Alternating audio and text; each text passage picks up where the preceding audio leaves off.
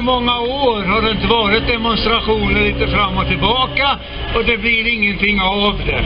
Och vi kan titta på Facebook och webb-tv och överallt. Men det går inte. Vi måste agera, eller hur? Va? Och då har jag ett väldigt bra förslag nämligen. Och det är så, jag satt i riksdagen mellan 91 till 94, i tre år. Min sista motion som jag skrev i Sveriges riksdag den 25 januari 94, då skrev jag en kriskommission kallade det. Jag pratade med Kurt Nicolin, om alla kände till honom. Jag sa att han skulle kunna sitta i den. Assa Lindbäck och alla möjliga andra. Finansutskottet, de skrattade ju åt min motion och så vidare. Men det kom ett resultat. Hör och häpna. Och det resultatet var, jag säger så här, att finansutskottet skulle betrakta min motion som mer än egendomlig var givetvis att vänta. Men denna gång kunde faktiskt ett resultat avläsas. Efter sju månader, 300 miljarder i ökad statsskuld, återkom motionens innehåll i en debattartikel, inte mindre i Dagens Industri. Före detta generaldirektören för Riksrevisionsverket, G. Rune Berggren, han skrev Riksdagen kan dra åt helvete. Nej, det gjorde han ju i och för sig inte. Men det var liknande va. Och han menade, hör här, 94 så menade han att då var riksdagen helt åt helvete. Så han menar på, tillsätt en tillfällig ämbetsmannaregering. Låt den styra i fyra, eller det har varit i fyra år. Låt de andra riksdagspartierna fundera på vad de har gjort. Va? Titta nu hur det ser ut det förgäves. Varför begär icke Sverigedemokraterna ett misstroendevotum? De behöver vara 35 stycken. För då sätter de Moderater och KD och Vänsterpartiet i klämman, eller hur? Då får vi se hur stora de är. Vi kan inte ha de där idioterna som sitter där borta i tre år till. Det går inte, gott folk. Det Finns inte en chans. Alltså. Nej. Och då kan jag också säga att AP-fonderna upplysningsvis. ATP bildades 1960. 1994 så skulle det finnas mellan 3000 till 5000 miljarder i AP-fonderna. Vet ni hur mycket det fanns? 500! De andra då? Ingen tar upp detta. Inte någon. Men vad kan det bero på? Jo, därför att vi har en elit som sitter där uppe. Jag har Handelsbanken som ett exempel. Arne Mårtensson, han var 54 år eller någonting.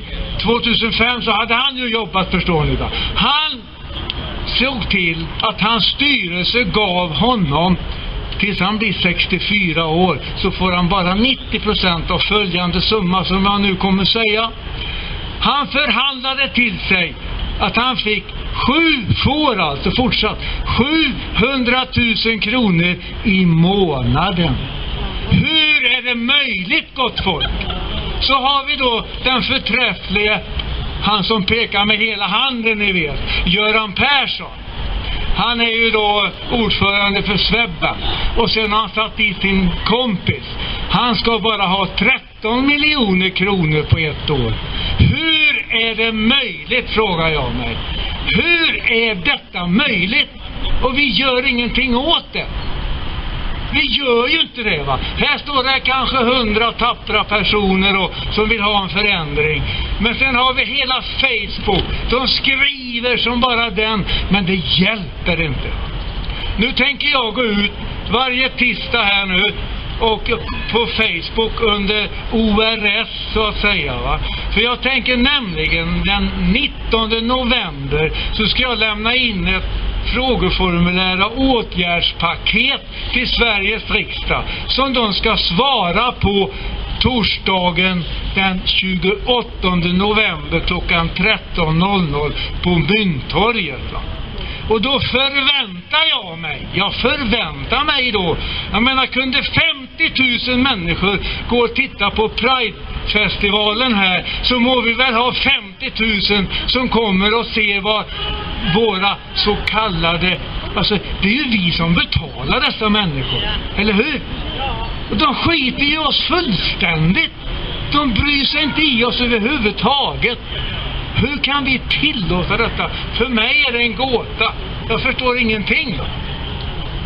Jag har tittat på varenda debatt som de här Sveb-TV hade, den här kongressen, de åkte över till Finland fram och tillbaka. Ja, men det är ju jättebra! Ja, men visa då, kom till Mynttorget den 28 november allihopa då. Att vi tar över, vi kastar ut dem därifrån.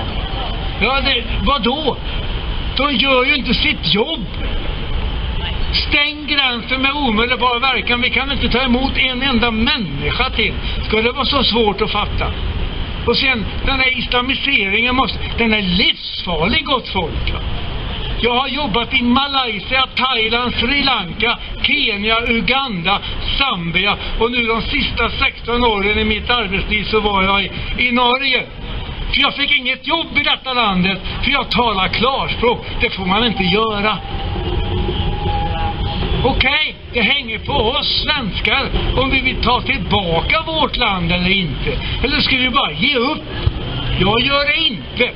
Jag har hållit på alltså. Så kom, sprid nu budskapet att på Mynttorget klockan ett och så säger de så här att du måste ha tillstånd. Nej, jag behöver inget tillstånd. Det är min rättighet i grundlagen. Jag stod där onsdagen den 18, nej 20 juni 2018 och demonstrerade och, och, skulle ha svar ifrån Sveriges riksdagsledamöter. Inte en enda kom givetvis.